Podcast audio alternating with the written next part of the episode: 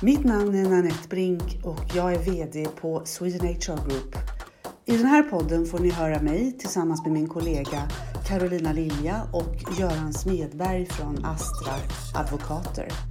Vad ligger på våra bord just nu och vad kan komma att skapa förändring framöver? Häng med och få inblick i olika resonemang från ett organisationsutvecklande perspektiv med HR och arbetsrätt som fokus. Nu kör vi! Hallå! Äntligen måndag! Hej allihopa! Hej! Hej, Hej, hej. eftermiddag. Ja men nu är vi här igen på temat som vi har borrat i de senaste månaderna faktiskt med den nya LASen som inom väldigt kort nu går igång på riktigt. Som vanligt så har jag min kära kollega Carolina Lilja från Sweden HR Group. Hej hej! Hej hej!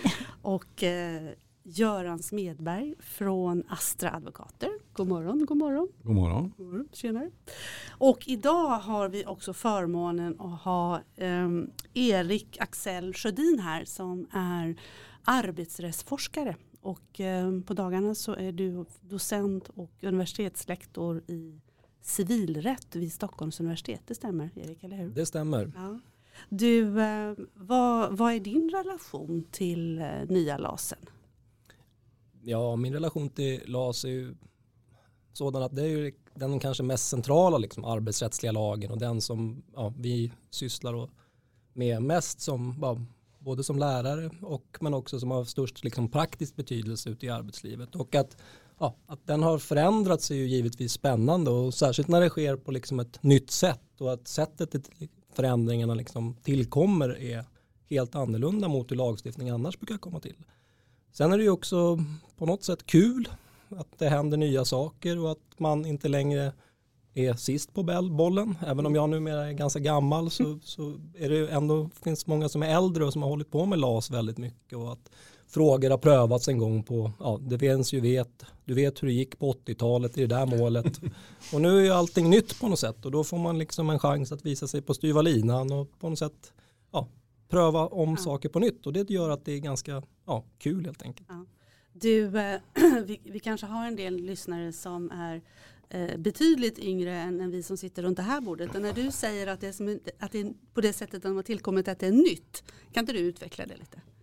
Att sättet som det har tillkommit är nytt, ja det är ju på så sätt att eh, ja, arbetsmarknadens parter på mångt och mycket har skrivit lagen. Och det har de ju gjort den här gången under en, ja, ett hot om lagstiftningen efter ja, januariavtalet och den 73-punktsprogram där. Och jag minns inte vem, men jag tror att det var punkt 20 som handlade om att arbetsrätten skulle moderniseras. Och, eh, det är ju ett nytt sätt på vilket lagstiftning tillkommer att eh, parterna på något sätt har en, eh, skriver en önskelista till lagstiftaren och som lagstiftaren sen också, ja, om man kan säga levererar på.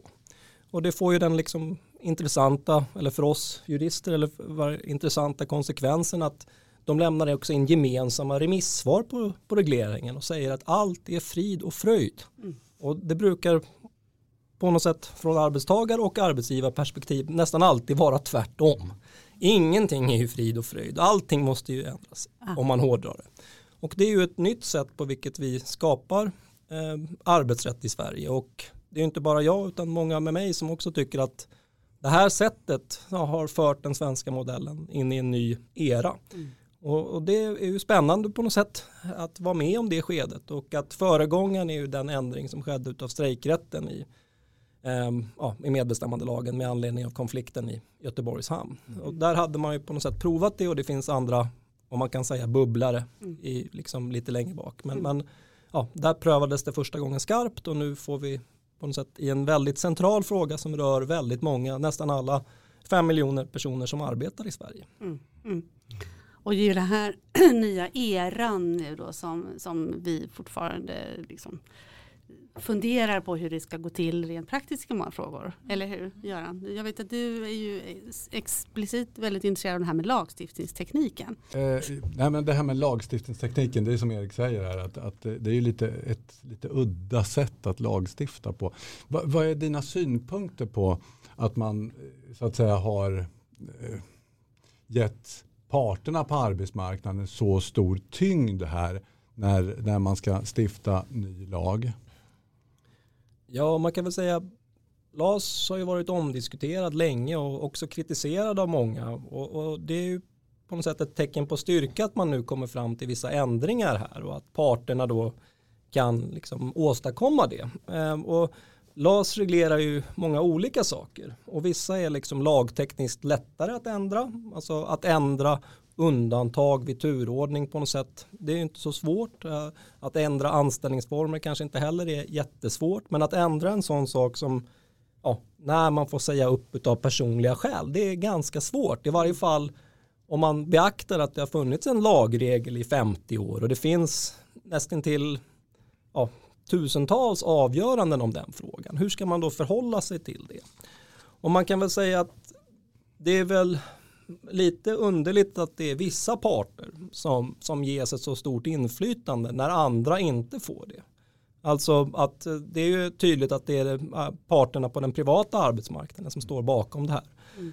Sveriges kommuner och regioner och Arbetsgivarverket har så vitt jag vet inte varit inblandade i förhandlingarna i varje fall om, om den trygghetsöverenskommelse som innehåller beställningarna så att säga till lagstiftaren. Och, och det är ju någonting som till exempel advokatsamfundet har riktat kritik emot och, och det är väl andra som också har gjort det. Och, och att ja, det gör väl att man på något sätt ja, kan ja, undra vad det har för, får för konsekvenser. Så att, säga. att man väljer att godta de här parternas lösning och att man också är ganska ovillig att sen ändra sig eh, efter det att saker och ting påtalas. Så att säga. Det, det, och, och möjligen kan man väl säga att man blir lite mindre mottaglig mot kritik så att säga. Mm. Att, det, det, att uh, man från, så vitt jag minns i varje fall från regeringskansliets hemsida har gjort ganska tydligt att man inte vill ändra särskilt mycket i överenskommelsen. Mm.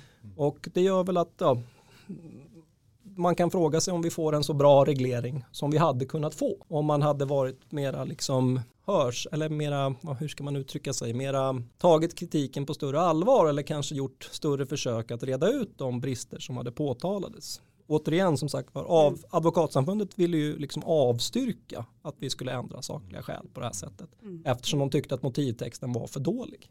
Och, och det är ju eh, på något sätt, ja, det, det är ju en konsekvens tror jag. Men det sagt så är det ju ett tecken på styrka att vi får de här ändringarna och att de kommer på plats och att vi nu har dem så att säga. Och då får man ju laga efter läge så att säga. Vi har nu det vi har och då får vi göra vårt bästa för att eh, försöka förstå det och försöka också att eh, ja, lyfta fram kanske de oklarheter som finns och sätta ljuset på dem möjligen. I förra podden så hade vi ju eh, Vesa-Pekka Seikkele från IF Metall som gäst och eh, han uttryckte ju ganska klart och tydligt att det här är en seger, en framgång för den svenska modellen. Här, eh, och det kan man väl säga att det, det är det ju naturligtvis. Eh, men, men, nu när jag hör dig här så, så, känns det lite grann som att det finns en viss kritik mot lagstiftaren.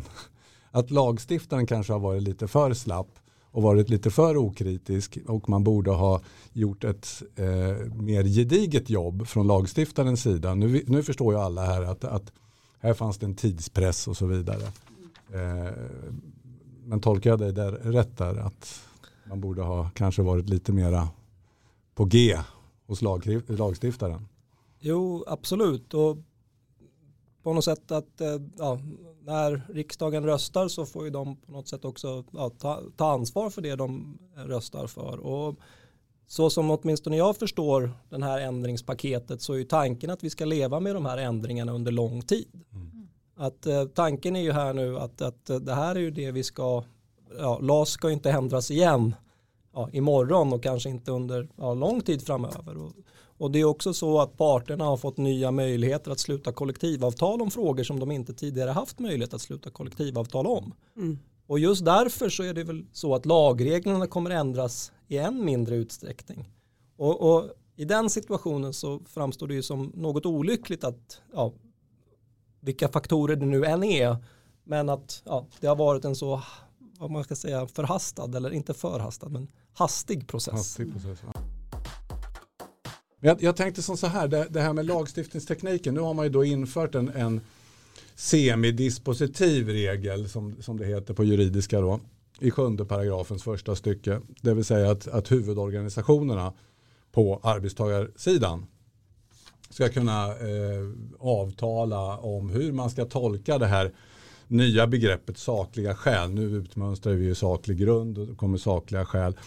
Och, och här kommer då eh, huvudavtalen, de, de, arbetsmarknadens parter kommer in här. Va, va, hur ser du på den regleringen, att den möjligheten? Att man ska så att säga kunna på en viss del av arbetsmarknaden kunna tala om vad, vad det är för någonting som i princip tala om vad det är för någonting som är sakliga skäl. Ehm, ja, det är ju på något sätt ehm, intressant på så sätt att det är en eh, nyskapelse då förhandlingarna ska väl ske på nivåer där de normalt sett inte sker. Alltså att de ska ske i, på vad man brukar kalla huvudorganisationsnivå, även om det inte står så i lagen. Men att det ska ske på en nivå över där de liksom centrala kollektivavtalen normalt förhandlas. Och det är ju sig intressant att, att man, man ja, ska förhandla där och, och på något sätt komma fram till lösningar som när man motiverar varför man ska ha de här avstegen så gör man ju det framförallt för att man tycker att det ska finnas behov av att liksom anpassa. Och, och, som jag förstår det så ska man inte anpassa efter bransch. Alltså det är inte branschanpassningar man talar om. För att branschanpassningar är på något sätt en lägre nivå. Utan det ska vara anpassningar i någon mening för arbetare och för tjänstemän. Och att då ska man komma fram till olika regler som jag förstår det. Det ska, det, det ska i varje fall vara möjligt att komma fram till olika nivåer. Eller olika regler på, för arbetare och tjänstemän. Och, och ja, och, och därmed är väl tanken så som jag förstår det att parterna kan ju inte avvika helt utan man får ju kollektivavtala om vad som är sakliga skäl. Så vi kan inte, så som vi kan i andra delar av den semidispositiva lagstiftningen, helt ta bort regeln. Så att säga. Mm. Eller, ja, man kan inte liksom säga att det inte får finnas sakliga skäl i kollektivavtal.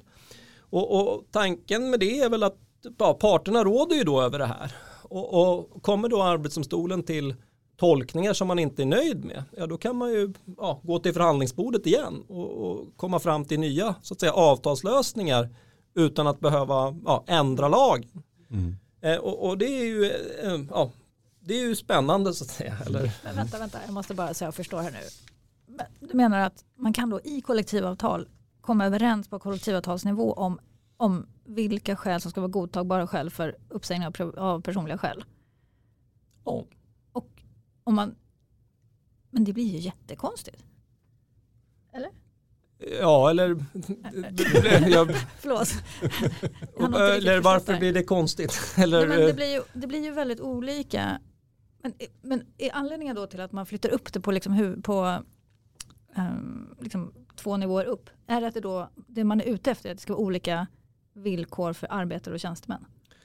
Inte att det ska vara olika, men att man kan komma överens om olika. Ja, alltså, det ska finnas en hur för det. Ja, parterna kan göra det här. Eh, och nu vet vi ju facit på något sätt. Alltså huvudavtalet finns ju. Och det blev ju inga olika regler. Så att reglerna blev ju istället de samma. Så huvudavtalets regler om anställningsskydd är ju likalydande för, an, för arbetstagare eller för arbetare och tjänstemän. Så att det som var motiveringen till varför man skulle avvika har inte realiserats. Utan det som har hänt är så att säga att man istället har hittat en ny så att säga gemensam reglering utöver lagen. Men tanken är som du säger mm. att ja, och, och, då kan man säga att man lägger på när man ska sluta avtalen på arbetstagarsidan så läggs ju det på den här höga nivån. Alltså högst upp i organisationen och det är ju för att man ska garantera skyddet. Så att säga. Och när vi säger högst upp i organisationen då alltså, pratar vi LO, LO, på, PTK, LO, PTK och SACO som jag förstår det. Mm. Och, och, och, det är ju för att de så att säga, om de ingår överenskommelsen så är antagandet från lagstiftningens, lagstiftarens sida att de då tillvaratar arbetstagarnas intressen. Och det som jag tycker är intressant här då, det, det är ju eh, huvudavtalen då, är, när vi säger huvudavtal, det är ju då LO, Svenskt Näringsliv och PTK, Svenskt Näringsliv. Och sen ska ju då det här huvudavtalet antas av respektive, eller av de medlemsförbund som finns. Och det vet vi väl redan nu att vissa medlemsförbund inte kommer att anta. Eh, det torde, det torde vara så i alla fall, i vart fall i LO, att man inte kommer anta huvudavtalet. Eh, och det här betyder ju då att då kommer vi ju få som olika regler om sakliga skäl på arbetsmarknaden. Mm. Vi, vi, kommer ha Eh, regler där, där arbetsgivare är bundna av huvudavtalet. Vi kommer ha, och därmed har vi då den tolkning som finns där om sakliga skäl. För det finns ju då eh, vissa saker som, som man har tagit upp. Vissa typer av, av eh, omständigheter, vissa misskötsamhet och brottslig aktivitet och sådana här saker som hur man ska bedöma det i en, i en uppsägningssituation. Det finns det då reglerat i huvudavtalet. Och sen kommer vi ju då ha arbetsgivare som har kollektivavtal med någon fackförening som inte är bunden av mm. huvudavtalet. Och sen kommer vi ha då massor med arbetsgivare som bara är bundna av LAS. Mm. Och då betyder det att då kanske vi har två eller kanske till och med tre olika. Ja, det kanske inte finns så många centrala avtal som, som eh, reglerar hur man ska tolka sakliga skäl av förklarliga skäl. Eh, men, men, men, men, vi kommer i vart fall få olika regler, regler. Hur ser du på det? Jag själv kan ju tycka att det känns konstigt när vi pratar om avslutande av anställning på grund av personliga skäl. Ja, man kan väl säga att jag har väl många av de här frågorna som gäller nya LAS är ju sådana att man tror sig veta vad man tycker. Och sen så när man läser om det igen så ändrar man uppfattning. Och, och, och här kan man väl säga att jag från början trodde nog att om det är så att parterna på arbetsmarknaden antar flera olika avtal med olika regler om vad som är sakliga skäl i vissa avseenden till exempel att man skulle få ett LO-avtal om vad som är misskötsamhet när man är arbetare och ett, och ett avtal med PTK om vad som är misskötsamhet när man är tjänsteman. Och, och, och sen så då, då trodde jag då, oj oj oj, mm. vad kommer hända nu här? Nu kommer vi få så himla många olikartade regler och det fick väl dig så att säga att reglera med ryggmärgen att det här blir ju jättesvårt så att säga. Hur ska vi se på de här sakerna? Men nu har jag väl snarare liksom landat i att jag undrar om det kommer bli så stor skillnad. Mm. Och att snarare så kanske man kan ta inspiration för hur Arbetsdomstolen brukar göra i andra situationer när man har stora och centrala viktiga kollektivavtal. Och då brukar man väl ofta hämta ledning för dem. Från kollektivavtalen? Ja, och mm. då tror jag nog snarare att det kanske är så att ja, lagstiftningen och motiv, motivtexten till sakliga skäl när det handlar om uppsägning av ja, omständigheter att hänföra, som är att hänföra till arbetstagaren personen. De är ju väldigt knapphändiga. Mm. Och, och, och, då är frågan, då måste man ju, letar man ju som jurist i källorna så att säga, vad har jag att gå på? Och, och då är nog min, så att säga, min spaning, eller hur man nu ska uttrycka det, min, att jag tror nog att domstolarna då kanske kommer ja, blicka mot det här huvudavtalet. Det här är ju ändå arkitekterna bakom den här överenskommelsen som nu säger att det här ska gälla. Och, och, och då framstår det som att ja, det är väl inte helt orimligt att man också då ja, lägger det till grund för när man tolkar lagen, möjligen. Mm. Eh, I vissa fall är ju det svårare. Eh, I vissa fall så finns det ju en liksom betydande skillnad. Och som du var inne på så tar ju huvudavtalets regler om anställningsskydd upp om man kan säga tre situationer. Bristande prestationer, eh, samarbetssvårigheter och misskötsamhet i olika former. Och vad gäller bristande prestationer och misskötsamhet så tycker åtminstone jag att jag inte ser kanske några jättelika svårigheter att sammanjämka lagstiftning och avtal. Men vad gäller samarbetssvårigheter så är det nog lite svårare. För att där skriver man ju uttryckligen i propositionen här att rättsläget ska vara detsamma, det som gällde innan.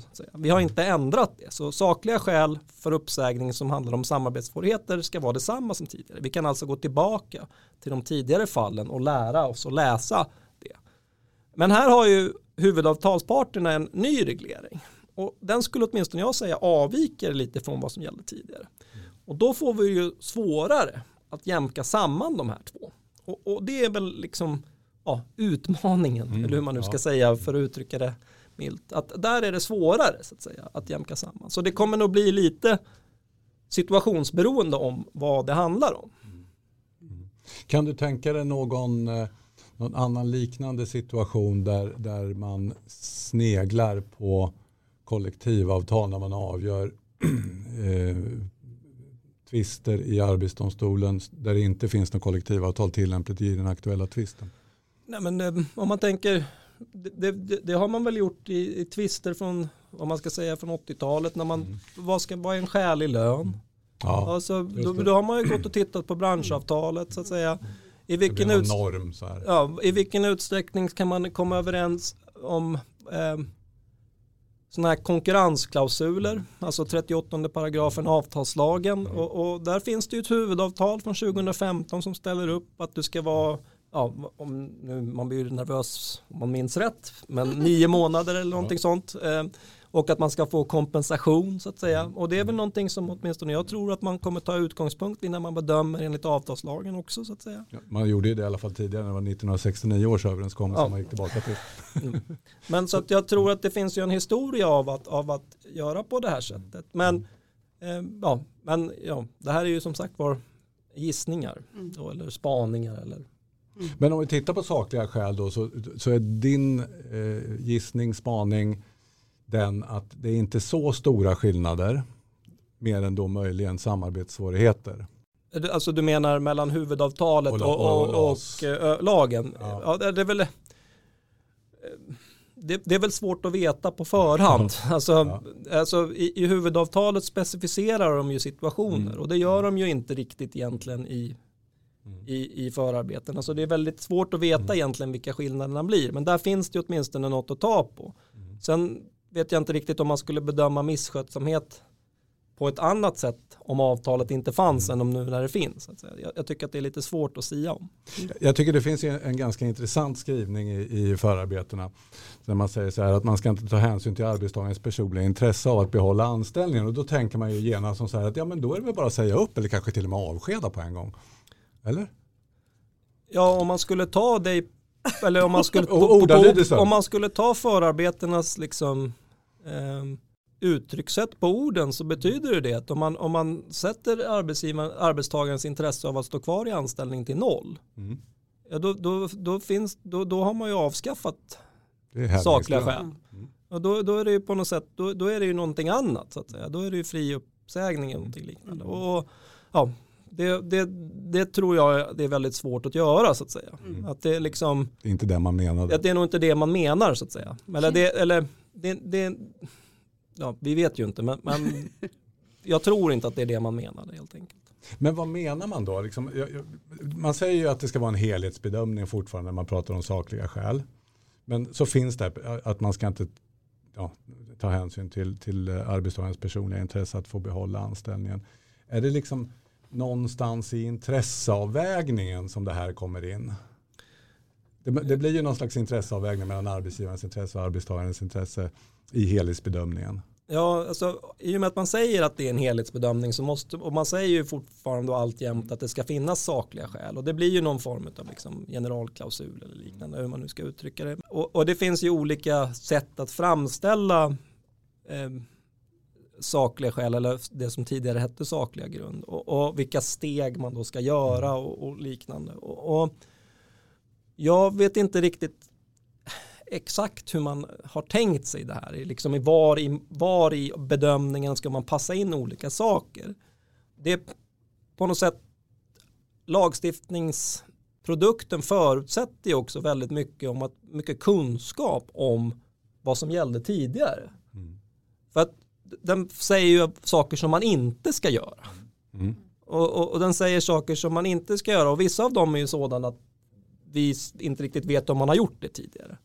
Men, men det är lite svårt att säga att ja, du ska bedöma någonting och då ska du inte göra det här. Nej, mm. det, det, ja, om, om, du hade skrivit att jag inte, om du inte har skrivit någonting om det så gör jag väl inte det. Mm.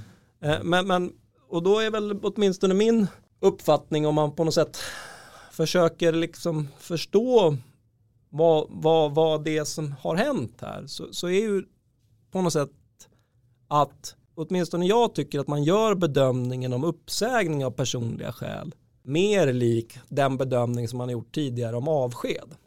Att man har ett tydligare fokus på själva förseelsen. Mm. Och, och själva förseelsen kan ju vara olika saker, sen benämner man ju det olika. Mm. Och, och, att det, det blir någonting som är liksom ledande. Och sen kan man ju, ja, på något sätt fundera på var i bedömningen man ska passa in olika saker. Men, men jag tycker att det är ganska svårt att helt enkelt se. Så att säga, som Mm. det är nu. Mm. Mm. Nej men det, det är knepigt Mm. det här, helt klart. Ehm, Det är ju verkligen knepigt. Och, och vi som liksom lever i någon slags vardag där vi försöker navigera i det här med arbetsrätten liksom till vardags. Det blir inte lättare. Nej, jag tänkte på det som vi snackade om i morse Carolina, Ja. om på, på samma tema om det här med eh, tillämpningen av, av, de här olikheterna när man tittar på turordningsreglerna. Turordningsreglerna i LAS versus turordningsreglerna i huvudavtalet. Mm. Vi snackade om det i morse, Ja. det här med vad händer om? Ja men precis, för vi målade upp ett scenario. Om man, om man tänker sig ett företag där man, med ett stort bolag där man har en personalkategori som är bunden av ett kollektivavtal som inte omfattas av huvudavtalet. En personalkategori som omfattas av huvudavtalet och en personalkategori som inte har ett kollektivavtal alls. Och så ska man göra en stor neddragning. Då är det ju plötsligt tre olika uppsättningar av undantagsregler som gäller parallellt då. Eller? Eller hur blir Eller- det då? kan, du, kan du svara? Så, Och reda eh, ut detta. och eh, den praktiska lösningen är väl då att man På fråga i enlighet med intentionerna från både lag och avtal kommer överens i förhandlingar mellan fack och arbetsgivare. Vi gör ingen, rätts, ingen rättsprocess och gör en, upprättar en avtalsturlista. Ja. Och att man då så att säga ja, inte ställer de här frågorna på sin spets. Kan du sluta vara så petig Carolina? Ja, jag ber om ursäkt.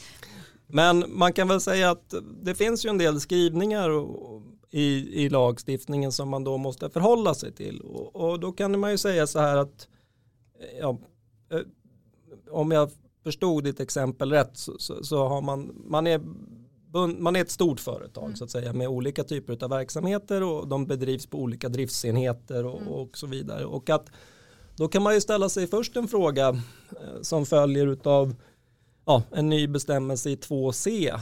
Och, och den har väl gällt tidigare också vad gäller ja, avtalsturlister och liknande. Och den säger ju att arbetsgivare får tillämpa sådana här avtal på alla arbetstagare. Mm. Och då kan man ju fråga sig eh, vad, vad innebär det då? Och, och ja, jag vet inte vad, det, vad du, om ni har ja, funderat på det så att säga. Ja, men jag, för jag tänker att när man, när man är i position att man kan göra en avtalsturlista då blir, ju, då blir det ju relativt enkelt i alla fall. Men, men när man inte är i position att man kan göra en avtalsturlista om man, man kanske inte har ett fackförbund som är intresserad av det eller man har den här situationen i det här stora företaget som har tre olika kategorier. För även om man kan göra en avtalsturlista som omfattar alla anställda, även vare sig de är liksom med i vilket fackförbund som helst. Men har man en egen personalkategori som inte är kollektivavtalsansluten alls. De kan ju ingen göra en avtalsturlista för. Nej, och, och, ja, men och då, som sagt, så det blir ju då om, man säger att det finns olika avtal och, att det finns saker som faller utanför dem och då blir det ju, ditt problem antar jag handlar om att det finns olika undantagsregler. Mm. Att eh, eh, lagen säger att man får undanta tre Mm. per turordningskrets.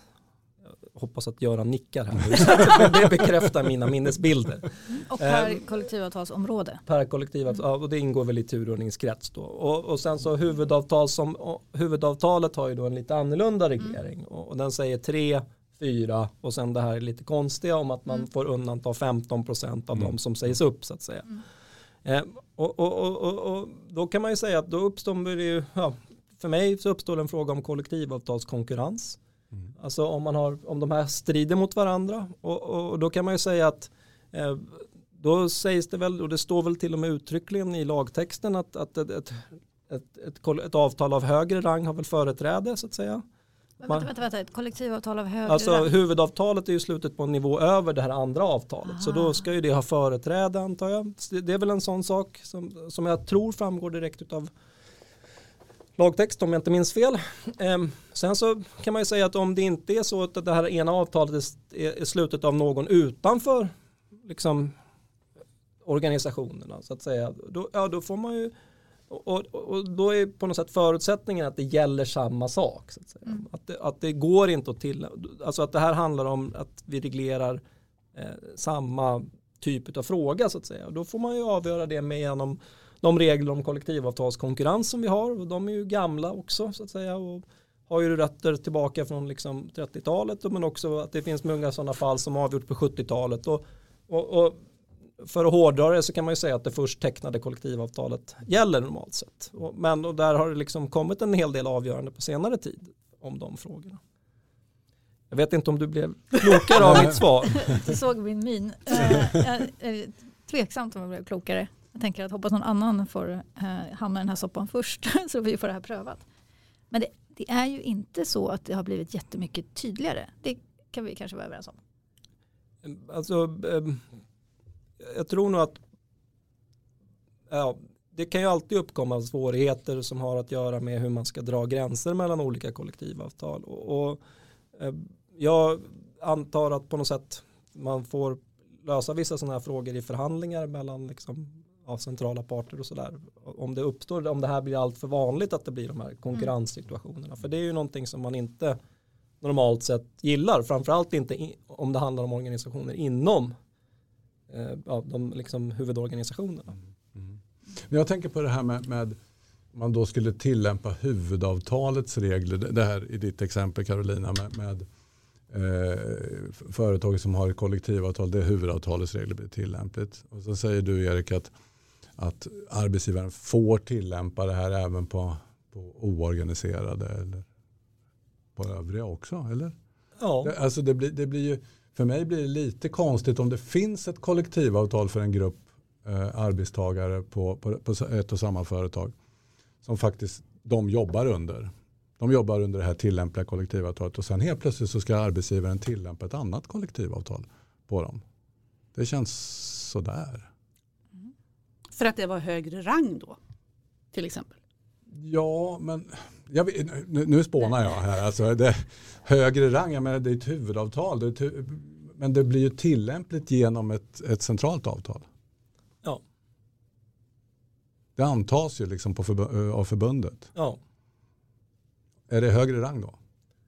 Alltså, jag vet inte men då är väl tanken att de där situationerna inte ska uppkomma. Så att nej, säga. Alltså, och det är det som gör att jag, ja, må, ja. man, man, undrar lite i, ja, i scenariot så att säga. Ja. Hur, hur, vilka organisationer är det som är med och hur har de här huvudavtalet kommit in och, och så och så vidare. Men, men det är kanske som du säger att det inte kan finnas något av högre rang. Då. jag säga. vet inte men jag, jag bara känner att man antar ju huvudavtalet. Alltså medlemsförbundet mm. antar huvudavtalet och då blir det tillämpligt som ett centralt avtal egentligen. Ja, med då ett tillämpningsområde med som, tillämpningsområde, det, ska, som det ska gälla ja. för. Och helt plötsligt ska man traska in på ett annat kollektivavtalsområde med det. Och, och då är det väl så sedvanliga liksom gränsdragningstvister ja. Som, som, får avgöra. Som förbunden får, får hantera. Mm. Ja, och det är ju vissa som klarar av att hantera det bra och andra som inte klarar av att hantera det bra. Så är det ju. Mm. Mm. Är, är, du med? Blev vi något klokare? Ja, nej, men det här är ju uh, intressant. Kloka, ja, vi blir ju klokare på det sättet att det här är ju knepigt. Mm. Det är det vi blir klokare om, ja, att det är knepigt. Mm. Och, och, på teman knepigt så finns ju en annan fundering som vi har, har, diskuterat i podden. Både med när vi har haft gäster från arbetsgivarsidan respektive arbetstagarsidan. Det är ju det här med eh, tolkningarna av um, personaluthyrningslagen, förändringarna där. Eh, det tycker jag är spännande att få, få titta lite kring hur du ser som arbetsrättsforskare på temat det här liksom framtidens arbetsmarknad är ju redan här. Eh, hur, hur de här definitionerna av Eh, bemanning kontra konsulter, giggar, alla de här definitionerna, egenanställda. Hur, hur ska det här tillämpas framåt? Och är, det, är det så glasklart idag att det tillämpas på en viss kategori konsulter eller inte? Vad, vad tror du när du tittar i spåkulan? Ehm, ja, jag, mm, ja, lagen om uthyrning av arbetstagare bryr jag mig väl väldigt lite om. så att säga. Eh, och, och den ja, är inte så den tycker jag inte är så intressant helt enkelt. Men det som är intressant och det som är så att säga den stora frågan och som har återuppväckts så att säga av de här frågorna det är ju ja, den klassiska frågan vem är arbetstagare? Mm. Och, och, och, så som ja, du formulerar frågan så tror jag att den mer har att göra med den frågan än liksom personaluthyrnings, eller lagen om uthyrning av arbetstagare. Och då kan man ju säga att när på något sätt de här olika typerna av liksom, eh, plattformar och andra blev liksom kända så tyckte man ju att allting var väldigt nytt och, och väldigt så att säga eh, intressant på något sätt. Men sen har ju det kokat ner och det har ju också avgjorts i många domstolar. Alltså är Uber-chaufförerna i London arbetstagare eller är de inte det? Ja, då sa ju högsta domstolen i Storbritannien att de är arbetstagare. Och varför är de med dem då det? Jo, för att de har så otroligt lite möjligheter att liksom påverka innehållet i det här, liksom deras kontrakt. Och de står under väldigt stark liksom ledning av den här, vad man nu ska säga, digitala plattformen.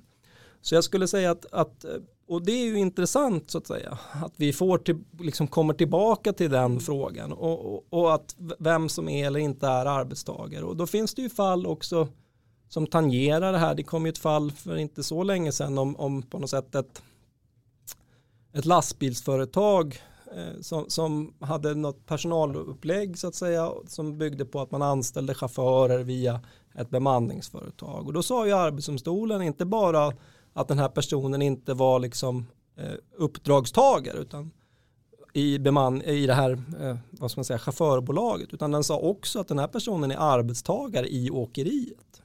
Och så att säga det är ju innebörden av att det svenska mm. arbetstagarbegreppet är tvingande. Mm. Och, och, och det här är ju intressanta frågor och mångt och mycket kokar det liksom ner till att man får bedöma ett antal olika kriterier som har kristalliserats ut i praxis och där det ledande av, eller där det liksom något av de ursprungliga avgörandena är från ja, 40-talet från högsta domstolen och, och, att man då får bedöma omständigheter så att det är spännande så att säga att eh, liksom att vi har kommit åter till den frågan. Sen kan man ju säga också att det som också kommer ske det är ju att det verkar ju som att det finns vissa luckor i regleringen här.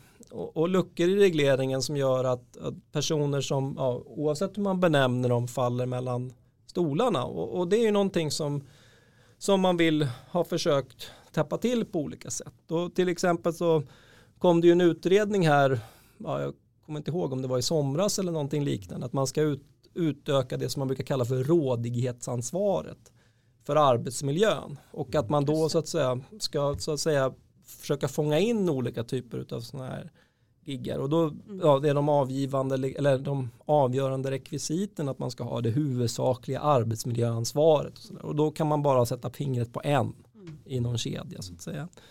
Och sen är det ju också det här en fråga som är på EUs agenda och, och vi har ju haft det finns ju ett förslag som vitt jag minns om att liksom reglera eh, det här i ett direktiv. Och kommer det så att säga då kommer vi få eh, ja, mer reglering mm. i varje fall. Och sen om, om den gör det klarare eller inte. Men, men att åtminstone så kommer frågor om de här, eller vissa av de här frågorna att underkastas liksom Ja, om man i varje fall tittar historiskt när EU agerar så kommer det bli en väldigt omfattande reglering. Men nu och, pratar du om eh, plattforms... Ja? Eller? Precis. Vilken typ av reglering tror du ser du ligger närmast? Ja, det kommer, eh, nu minns jag inte exakt innehållet i det mm. förslaget mm. men att det finns olika typer av liksom skyddsregler som ska gälla för vissa av de här typerna om de kan klassificeras på vissa olika sätt och så vidare.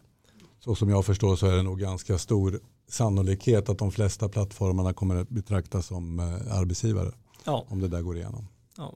Och, och det är ju på något sätt en ja, och, och det, det, det ja, om det går igenom så, jag kommer inte ihåg de närmare detaljerna, mm. men att det är på agendan och mm. spåkulan säger då så att säga att mer reglering är att vänta. Mm. Mm. mm. Eh, hade vi något mer som vi ville borra i? Alltså jag tänkte väl det här med, med har, har du reagerat på, på specifikt på några regler i, i nya LAS som du tycker är konstiga eller märkliga. Där man, där vi är mest fokuserade på sånt som är konstigt. Ja, precis. Det är där som vi fokuserar på. tycker vi är roligast nämligen. Ja. Vi kan ta det som är bra också. Ja, lite snabbt. Ja, ja jag har väl... Du har sagt det som var bra. Ja, jag, jag vet inte om...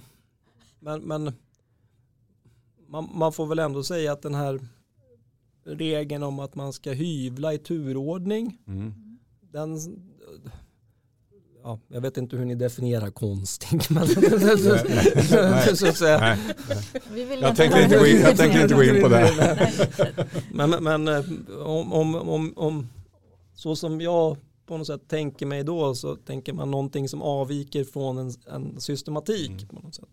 Men, Och, och, och därmed så tycker jag ändå att den här att man ska hyvla i tur. Jag förstår att det finns liksom bakomliggande intressen om varför man vill reglera den här frågan. Mm. Men att man just i arbetsbristsituationer säger att om omplaceringen gäller till en sänkt sysselsättningsgrad då ska det ske i turordning. Men andra omplaceringar ska inte göra det. Det blir systematiskt eh, något liksom Mm. haltande kan jag tycka. vad, vad säger du om det här med omställningstid? Kommer jag på här nu. Eh, Man inför ju en omställningstid vid omplacering och även vid hyvling. Eh, Och att det ska, och den står väl bara att man ska ha den, nu minns jag inte Ja, exakt. det står att man ska ha den och att den ska lira med, med, eh, med uppsägningstiden dock max tre månader. Ja, och det är väl en, alltså, om man nu ska få sänkt arbetstidsmått och därmed sänkt inkomst så, så är det väl inte en helt orimlig regel att man ska få en viss period att inrätta sig efter det. Mm. Så på så sätt så tycker jag väl att det är ja, Rimligt. ja, rimligt. Eller? Vadå, vadå Göran, tyckte du att det var konstigt? Nej, men Mm. idag är det ju inte så. Ah, Imorgon. på, lör, på lördag är det så. På lördag. Ja. Bara en liten av, avslutande. Ja, shoot. Tycker du att den här eh, regleringen är modern och flexibel? Den är ju modern i så mått att den är ny. Ja, det, vad då, då kan du och, och må, målet med reformen var ju att uppnå en modernisering och på så sätt så är den ju, ja, den har ju, reformen är ju i hamn. Så på så sätt så ja, är det flexibelt. Eh, Ja, flexibelt antar jag menas att man liksom på visst sätt att det blivit ja, enklare att säga upp på grund av personliga skäl. Har det blivit det? Ja, det tror jag nog att det har blivit. Har det blivit mer förutsebart? Eh, Det här Det är med, väl med väldigt, sakliga skäl. För det var ju också en sak som man har skrivit om. Att det Mm. ska vara mer förutsebart. Man ska veta liksom. Det ska vara Det anger man ju som syfte. Ja, det är ett Mm. huvudsyfte. Och då har det då blivit då, eller? Nej. Nej, Eh, man kan väl, att man skriver att någonting ska bli mer för, att saker och ting blir ju inte mer förutsägbara för att man säger att de ska bli mer förutsägbara. Nej. Eh, Och, och man säger, upprepar ju flera gånger att målet är att det ska bli mer förutsägbart. Mm. Så Eh, till slut så blir det det. Men, och man kan väl möjligen fundera på hur arbetsdomstolen ska förhålla sig till det Mm. i sin rättsbildning. Att om målsättningen är att ni ska skapa en regel som är förutsägbar Mm. så kanske det är någonting man kan ta fasta med på där. Men att det nu och för ett antal år framöver kommer vara mindre förutsägbart. Det tror jag nog att många är överens om. Eh, på så sätt att det är så pass många oklarheter i hur man ska beakta ett antal olika omständigheter när man får säga upp av personliga skäl. Mm. Mm. Bara en sån sak som att det i förarbetena står att man ska beakta hur arbetsgivaren agerat i arbetsmiljöhänseende. Mm. Ska det tala för eller emot? Mm. Alltså Mm. i vilken, åt vilket håll ska det luta så att säga? Ja, vi vet att den omständigheten ska beaktas men, men vi vet inte egentligen hur. Och, och, och det är på något sätt, jag har, tror jag att mig åtminstone har försökt att säga, förstå och ändå inte riktigt lyckats. Känns och väl, den bristen är hos mig såklart. Mm. Men, men, men men, det, känns väl, det känns väl flexibelt? Ja, det är flexibelt. Mm. Helt klart. Förutsägbart också. Ja. Mm. Ha, hörni, eh, Erik, stort tack för att vi fick eh, titta in i din eh, arbetsrättsforsk spåkula och, och lyssna lite hur du tänker och hur, hur, eh, hur det här ska fungera framåt. Eller vad säger du Carolina? Jag Ja. känner mig svettigare än någonsin. Jag, vet tänker inte, att du får ta alla arbetsrättsrådgivningar framåt. från och med måndag. vi, blir aldrig klara med det här. Göran, Nej. vad säger du? Nej, jag säger ingenting. Du säger ingenting? Ett juristsvar. Mm. Ja, precis. Eh, nej men tack alla. Ja, Stort supertack. tack. Stort tack. Eh, ut i, eh, i regnet Mm. och ha en trevlig fortsättning på den här dagen. Hej på er. Hej då. Hej då. tack så mycket.